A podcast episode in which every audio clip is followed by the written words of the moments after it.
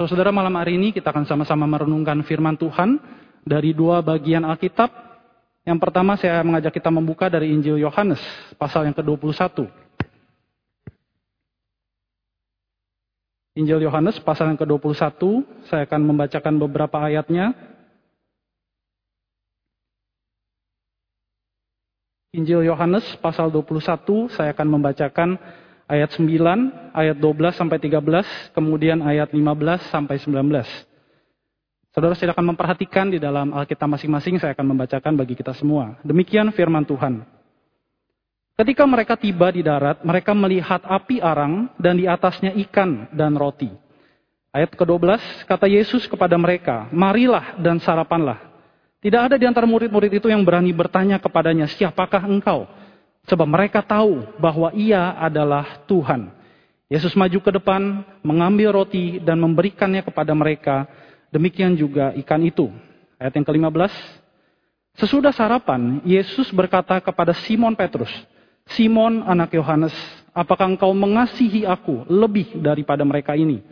Jawab Petrus kepadanya, benar Tuhan, engkau tahu bahwa aku mengasihi engkau. Kata Yesus kepadanya, gembalakanlah domba-dombaku. Kata Yesus pula kepadanya untuk kedua kalinya, Simon, anak Yohanes, apakah engkau mengasihi aku? Jawab Petrus kepadanya, benar Tuhan, engkau tahu bahwa aku mengasihi engkau. Kata Yesus kepadanya, gembalakanlah domba-dombaku. Kata Yesus kepadanya untuk ketiga kalinya, Simon, anak Yohanes, apakah engkau mengasihi aku? Maka sedih hati Petrus karena Yesus berkata untuk ketiga kalinya, apakah engkau mengasihi aku? Dan ia berkata kepadanya, Tuhan, engkau tahu segala sesuatu. Engkau tahu bahwa aku mengasihi engkau. Kata Yesus kepadanya, gembalakanlah domba-dombaku. Aku berkata kepadamu, sesungguhnya ketika engkau masih muda, engkau mengikat pinggangmu sendiri dan engkau berjalan ke mana saja kau kehendaki. Tetapi jika engkau sudah menjadi tua, engkau akan mengulurkan tanganmu dan orang lain akan mengikat engkau dan membawa engkau ke tempat yang tidak kau kehendaki. Dan hal ini dikatakannya untuk menyatakan bagaimana Petrus akan mati dan memuliakan Allah. Sesudah mengatakan demikian, ia berkata kepada Petrus, ikutlah aku. Bagian kedua kita akan membaca dari surat 1 Petrus, pasal yang kelima, ayat 1 sampai 4. Demikian firman Tuhan.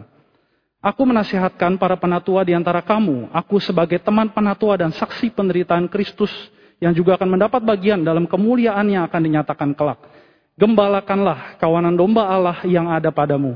Jangan dengan paksa, tetapi dengan sukarela, sesuai dengan kehendak Allah. Dan jangan karena mau mencari keuntungan, tetapi dengan pengabdian diri. Janganlah kamu berbuat seolah-olah kamu mau memerintah atas mereka yang dipercayakan kepadamu. Tetapi hendaklah kamu menjadi teladan bagi kawanan domba itu. Maka kamu, apabila gembala agung datang, kamu akan menerima mahkota kemuliaan yang tidak dapat layu. Semakin jauh kita baca firman Tuhan pada malam hari ini.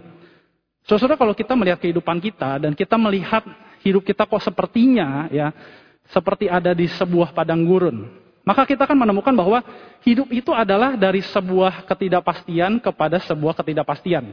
Seperti misalnya kalau kita lihat kehidupan kita di masa-masa pandemi ini begitu ya. Kita seperti nggak tahu, nggak pasti ya kapan ini akan berakhir. Kondisi sudah membaik, bahkan mungkin bisa dikatakan sudah jauh lebih baik. Tapi ketika berita ada ber, uh, dikatakan berbagai macam varian barulah, ada mungkin virus barulah, dan lain sebagainya, ada ancaman pemanasan global, krisis iklim, dan lain sebagainya yang mungkin cepat atau lambat akan memusnahkan dunia dan segala isinya, termasuk hidup kita. Maka hidup kita saudara-saudara adalah seperti yang saya tadi bilang dari ketidakpastian kepada ketidakpastian. Maka saudara-saudara kalau kita melihat kehidupan kita, mungkin ada di antara kita yang mengalami demikian, mungkin juga tidak. Ada begitu banyak orang yang berusaha untuk memutarbalikkan kehidupan mereka, memutarbalikkan nasib hidup mereka dengan cara-cara yang instan. Nah, saudara, kalau kita lihat di dalam kehidupan kita, di sekitar kita, ada banyak sekali cara yang dunia ini berikan untuk kita memutarbalikkan hidup kita dari ketidakpastian menjadi kepastian yang instan. Saudara bisa melihat mungkin kalau baca berita beberapa waktu ini ya, sudah eh, sedang cukup ramai dengan pinjaman-pinjaman online yang bodong begitu ya, di mana banyak sekali orang di Indonesia itu terjebak. Itu adalah salah satu sarana yang dunia tawarkan untuk orang-orang itu memutarbalikkan hidup mereka secara instan dari yang tidak pasti menjadi pasti. Tapi ternyata seperti yang saya tadi bilang, kemudian hidup mereka akhirnya mengenaskan. Kenapa? Karena berakhir kepada ketidakpastian lagi. Dan saudara kalau mungkin kita bisa melihat di YouTube begitu ya, di uh, platform digital, media sosial, ada begitu banyak youtuber, influencer atau mungkin artis-artis ya dan lain sebagainya selebgram begitu yang mencoba untuk memutarbalikkan kehidupan orang lain begitu ya. Secara instan juga. Misalnya dengan giveaway begitu ya atau mungkin dengan yang waktu itu sempat ramai istilah yang dipakai ikoi-ikoyan begitu ya. Itu sebuah usaha-usaha yang dilakukan manusia kepada manusia untuk mengubah nasibnya secara instan. Tapi saudara, apa dampaknya bagi mereka? Apa dampaknya bagi kita? Apakah itu memberikan betul-betul perubahan hidup yang sejati? Arahan hidup yang baru, reorientasi hidup yang baru. Atau itu hanya bersifat sementara. Atau itu hanya bersifat sentimental saja. Demi konten yang sering dikatakan orang. ya. Dan bahkan ketika saya mencoba cari apa sih dampaknya dari giveaway-giveaway seperti itu begitu ya. Saya tidak berusaha mengecilkan usaha mereka saudara. Tapi dampaknya apa dampak dari hal-hal yang dilakukan oleh orang-orang ini kepada orang lain untuk berusaha memutarbalikkan nasib hidup mereka.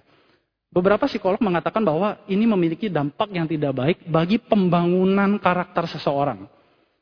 Maka saudara, mari kita bertanya ke dalam diri kita sebagai orang Kristen. Kalau kita saat ini sedang mengalami krisis rohani mungkin, atau kita sedang mengalami krisis kehidupan, Apakah kita sedang berusaha untuk memutarbalikan kehidupan kita secara instan? Kita seperti mau skip tahapan kehidupan ini yang sulit, yang tidak pasti ini. Dan kita mau hidup yang lebih pasti, hidup yang lebih baik.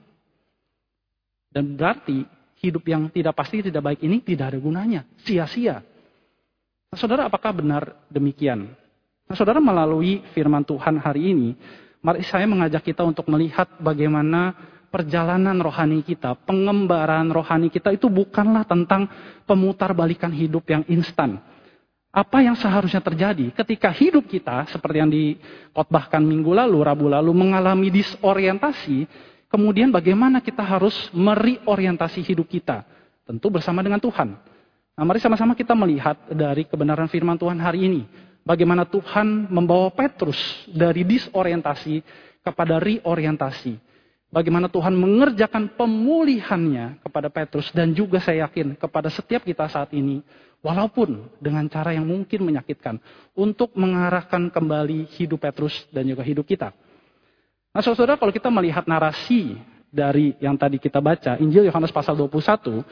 Maka kita menemukan hal pertama yang Tuhan lakukan adalah membuka sebuah undangan, memberikan sebuah undangan khususnya bagi Petrus.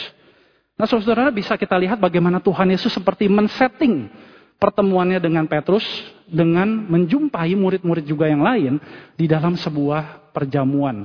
Sebuah setting yang mungkin tidak biasa ya. Apalagi waktu itu sepertinya kalau kita melihat kondisi murid-murid itu betul-betul terdisorientasi. Mereka nggak ngerti ini guru mereka, Tuhan mereka kok mati. Terus bagaimana nasib kami? Bagaimana nasib hidup kami? Apakah berhenti di sini saja? Ya sudahlah, lebih baik kami pergi memancing, gitu ya. Nah, di saat-saat seperti itu Tuhan menjumpai mereka di dalam sebuah suasana seperti perjamuan.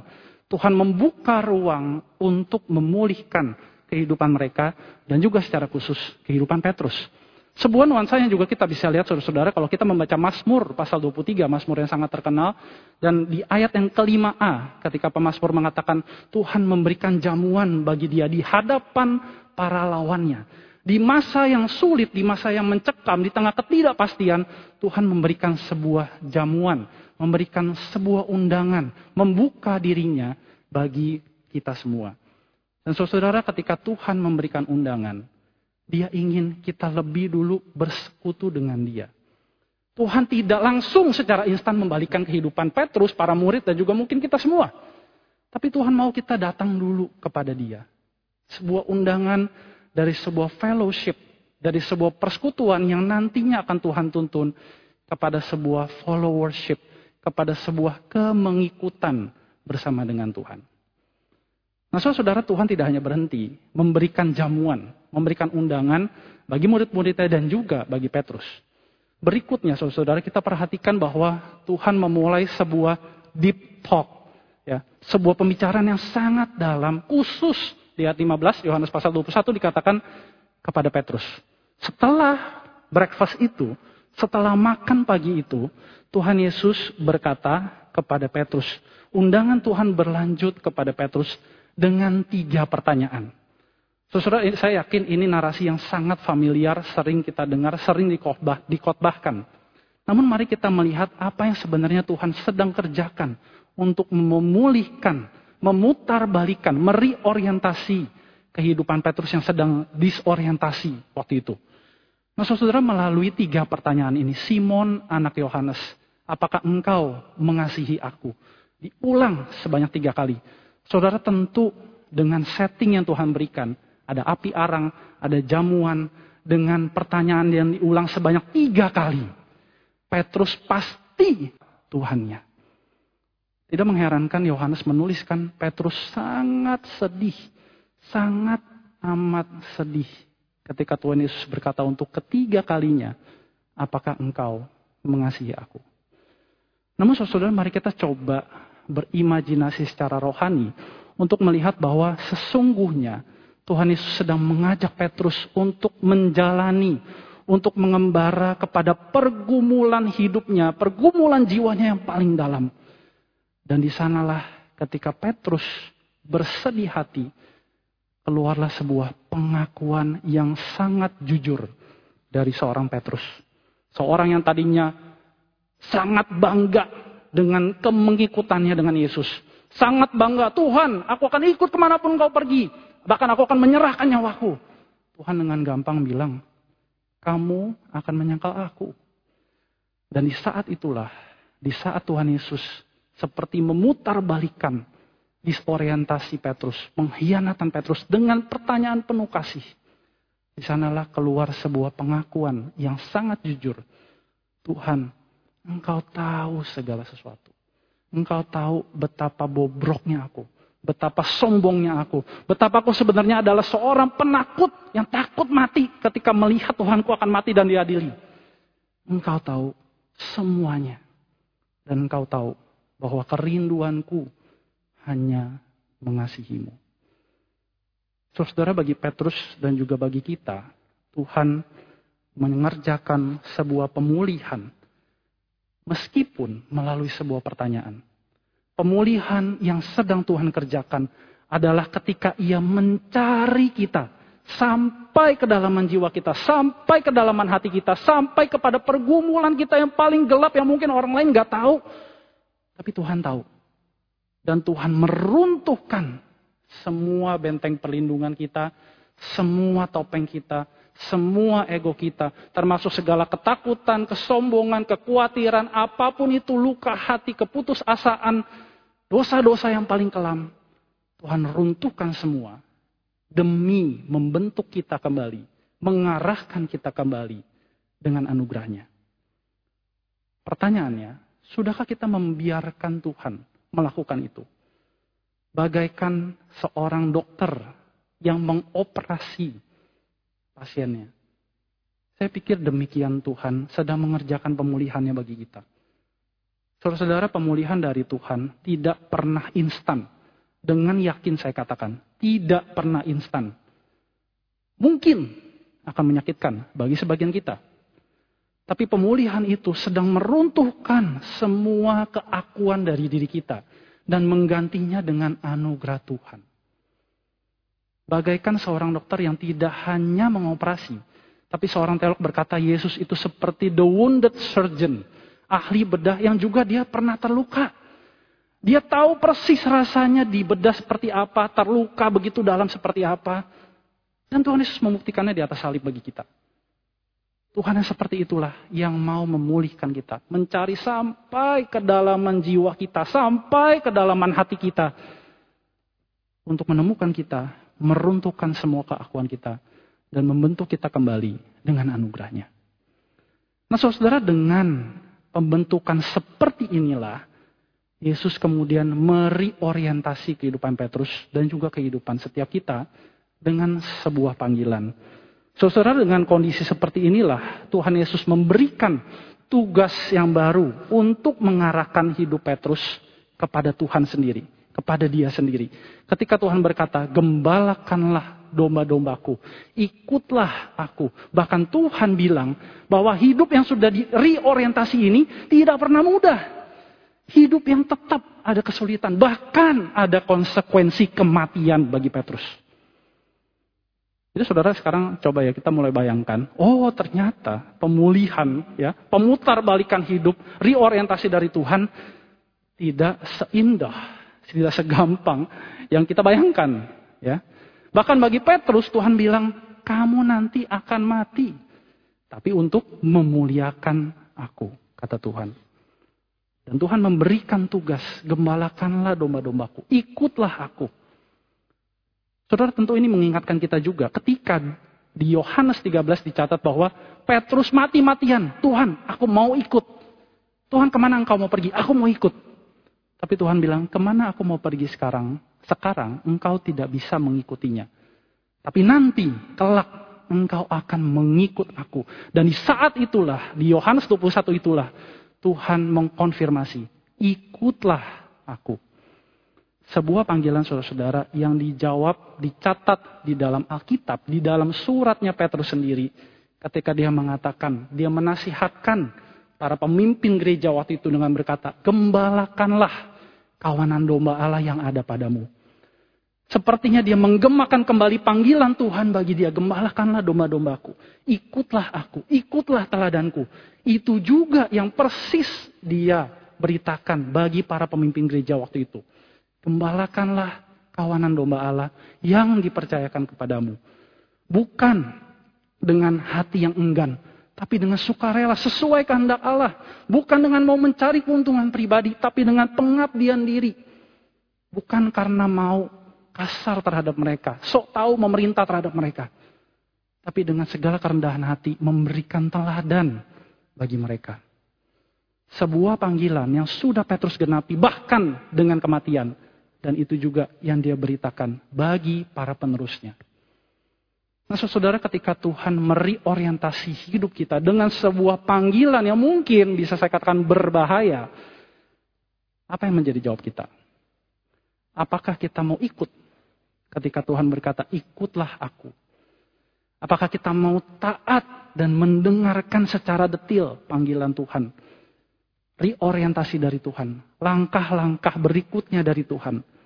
Sekalipun penuh dengan konsekuensi. Penuh dengan resiko. Bahkan mungkin mengancam kehidupan kita. Adakah kita mau menjawab, ya Tuhan aku mau ikut. Ya Tuhan aku mau taat. Ya Tuhan ini bukan tentang aku lagi. Sehingga saudara kita bisa melihat bahwa reorientasi, reorientasi yang penuh dengan sukacita itu, joyful reorientation yang Tuhan kerjakan bagi Petrus dan bagi kita adalah ketika Tuhan membawa kita kepada sebuah iman yang jauh lebih dalam, jauh lebih berakar. Saya bisa simpulkan dengan dua hal.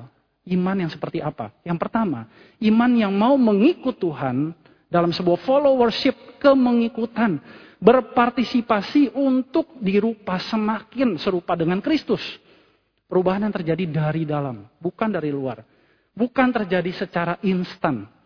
Tapi perubahan yang terus-menerus Tuhan kerjakan sehari demi sehari, sewaktu demi sewaktu, sepergumulan demi sepergumulan di dalam, dari dalam kita. Dan mengubahkan kita dari orang yang transaksional kepada Tuhan menjadi orang yang relasional bersama dengan Tuhan. Dari orang yang tadinya berpikir bahwa oh hidup ini adalah kalau Tuhan berbuat baik kepada aku, aku maka aku akan taat. Kalau Tuhan memulihkan krisis finansial aku, baru baru aku mau ke gereja lagi. Kalau Tuhan memulihkan relasi aku dengan anakku, baru aku mau ikut ibadah lagi. Secara online deh, gitu ya. Bukan tentang transaksi, tapi tentang relasi kita dengan Tuhan. Dan semua itu harus diwujudkan. Ketika Tuhan juga mau kita berpartisipasi, mengikut dia untuk mewujudkan siapa dia, keluar ke tengah dunia ini. Dan kita bisa menunjukkan hidup yang diubahkan oleh Tuhan. Hidup yang tidak lagi sentimental. Hidup yang bukan lagi tentang visi kita. Bukan lagi tentang kebanggaan kita, bukan tentang prestasi kita. Tapi tentang Tuhan. Tentang visinya Tuhan. Tentang panggilannya Tuhan yang mungkin tidak mudah. Bukan lagi tentang sentimental, wah hidup mengikuti Yesus itu pasti sukses. Hidup mengikuti Yesus itu tidak akan sakit, pasti akan sembuh. Sentimental sekali kalau mungkin kita mendengar kesaksian dari orang-orang seperti itu. Mungkin kita menitikan air mata, mungkin kita merasa, oh ini dia yang aku alami. Hanya sentimen. Tapi bukan sekedar sentimen. Tuhan mau kita mengubahkan juga hidup orang. Dan hidup itu diubahkan menjadi hidup yang mempersembahkan diri bagi Tuhan. Sakramental. Mempersembahkan diri ini bagi Tuhan. Hidup yang bukan lagi individualis. Individual. Tapi untuk Tuhan. Hidup yang inkarnasional. Mau memberikan diri. Bahkan mungkin menghabiskan diri kita. Bagi kehidupan orang lain. Supaya orang lain beroleh hidup. Melalui hidup kita. Yang dipakai Tuhan. Nah, saudara, kalau saya melihat kehidupan saya secara pribadi, kadang kalau khotbah ya, saya sering memikirkan hal apa yang bisa saya sharingkan untuk menutup khotbah dan kayaknya spesial sekali dalam hidup saya terkait dengan tema yang dibawakan. Ketika saya memikirkan hal ini, saya melihat justru setiap langkah hidup saya adalah mengenai reorientasi ini. Bukan berarti tidak ada yang spesial. Berarti semuanya Tuhan sedang mengerjakan. Di dalam setiap langkah hidup saya, Tuhan sedang mengerjakan tiga fase ini. Orientasi, disorientasi, reorientasi. Sebuah cycle, spiritual cycle yang tidak hanya berulang atau repetitif, tapi juga transformatif. Dan kembali saudara ketika melihat hidup saya, sepanjang hidup ternyata Tuhan sedang mengerjakan spiritual cycle ini terus menerus. Tidak hanya satu momen yang spesial, dua momen yang spesial, tiga momen yang spesial. Tapi setiap langkah hidup saya, Tuhan sedang mengerjakan ini. Saudara mungkin sering dengar ketika saya khotbah karena saya sering memakai ilustrasi ini begitu ya, kisah ini. Ketika saya kuliah dulu di Bandung, di ITB, saya mengalami nasakom, nasib satu koma. Dan di sanalah juga Tuhan mengerjakan di masa-masa saya terdisorientasi. Saya pikir saya akan DO, drop out. Saya nggak kuliah lagi deh, jadi pengangguran mungkin. Ntar kalau lamar kerja lulusan SMA. Kenapa? Drop out semester 4 gitu ya. Tapi di masa itu justru Tuhan mengerjakan reorientasi itu. Menyakitkan nggak? Menyakitkan. Kenapa? Karena ada konsekuensi yang harus saya bayar dari kemalasan saya dari tidak tanggung jawabnya saya terhadap anugerah Tuhan. Tapi Tuhan membukakan, memberikan undangan dalam bentuk semester pendek. Saya bisa mengikuti semester sebuah semester pendek, memperbaiki nilai saya dan sejak itu saya tahu betul ini adalah proses yang sedang Tuhan kerjakan untuk memutarbalikkan hidup saya, untuk membentuk saya lebih dulu dari dalam. Dan hal ini juga saya pikir berkaitan dengan bagaimana saya adalah orang yang dibentuk dengan prestasi oriented begitu ya. Jadi murid harus berprestasi. Harus ranking satu atau minimal tiga besar. Kalau kepleset ke ranking empat ya sudahlah lima besar. Kepleset lagi ke ranking delapan ya sudahlah sepuluh besar begitu ya. Tapi di masa-masa ketika saya mengalami disorientasi hampir drop out itu. Di sana Tuhan mengajarkan. Satu, kamu harus bertanggung jawab dong. Kedua, prestasi bukan segala-galanya. Dan itulah yang membentuk saya ketika saya kuliah kembali di seminari. Bagi saya, nilai, betul, penting, tapi bukan segala-galanya. Ketika mungkin ada banyak mahasiswa teologi sedang bergumul dengan masalah prestasi, saya boleh dipakai Tuhan untuk menguatkan mereka.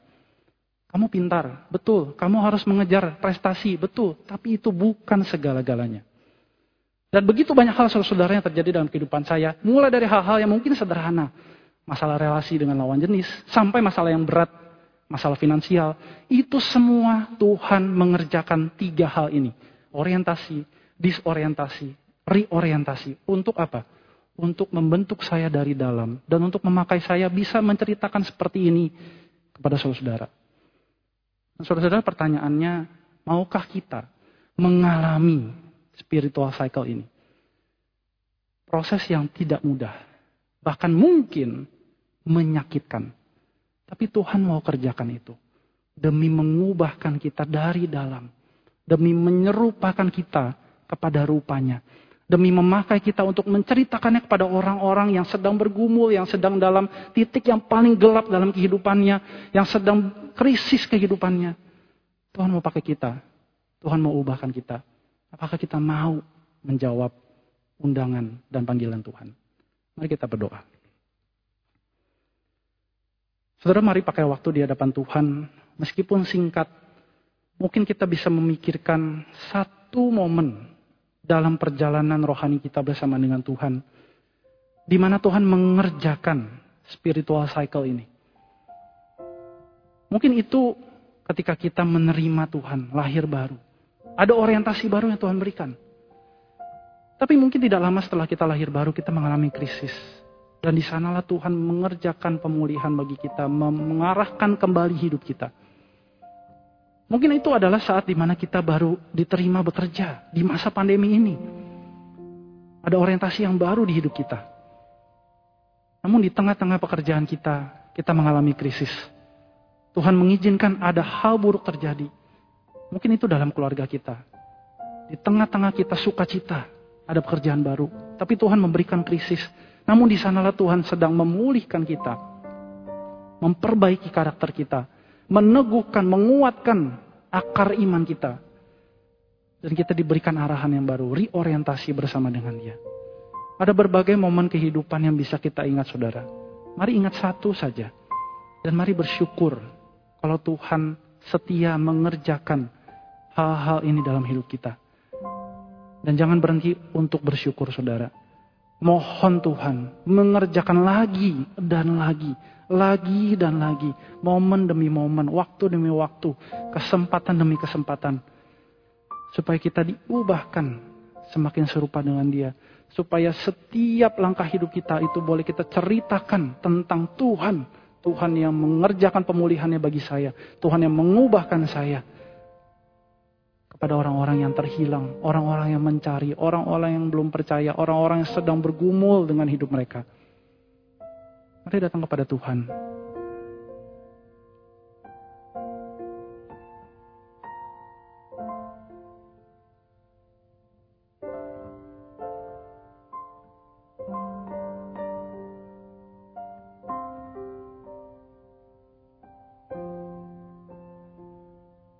Kepada gembala jiwa kami, pemelihara hati kami, Tuhan kami Yesus Kristus. Kami datang menyambut undanganmu Tuhan. Tuhan ampuni kami kalau selama ini mungkin kami lari dari Tuhan. Kami nggak mau menyambut undangan Tuhan yang memulihkan kami. Namun saat ini Tuhan, bawa kami kembali, undang kami kembali untuk kami boleh dipulihkan oleh Tuhan. Bukan secara instan. Bukan diputar balikan nasibnya secara instan. Tapi setahap demi setahap. Sekarakter demi sekarakter. Satu langkah demi satu langkah. Satu pergumulan demi satu pergumulan. Kami mau menjalani itu bersama dengan Tuhan. Karena di sanalah justru Tuhan mengerjakan pemulihan bagi kami menyatakan anugerahmu makin nyata, makin besar, makin megah, makin indah dalam hidup kami. Dan ketika kami boleh melihat Tuhan mereorientasi hidup kami, kami juga boleh mengatakan ya kepada panggilan Tuhan untuk menceritakan kisah Tuhan dalam perjalanan kami Tuhan yang mengembara bersama dengan kami. Tuhan yang memegang terus tangan kami. Tuhan yang tidak akan pernah meninggalkan kami. Bahkan semakin menguatkan akar iman kami, rohani kami kepada Tuhan sendiri. Tuhan dengarlah segala pengakuan kami. Dengarlah segala kejujuran kami. Dengarlah segala isi hati dan jiwa kami kepadamu. Di dalam nama Tuhan Yesus, penebus kami yang hidup. Gembala hidup kami kami berdoa. Amin. Saudara ibadah doa selesai, silakan bersatu teduh. Tuhan Yesus memberkati.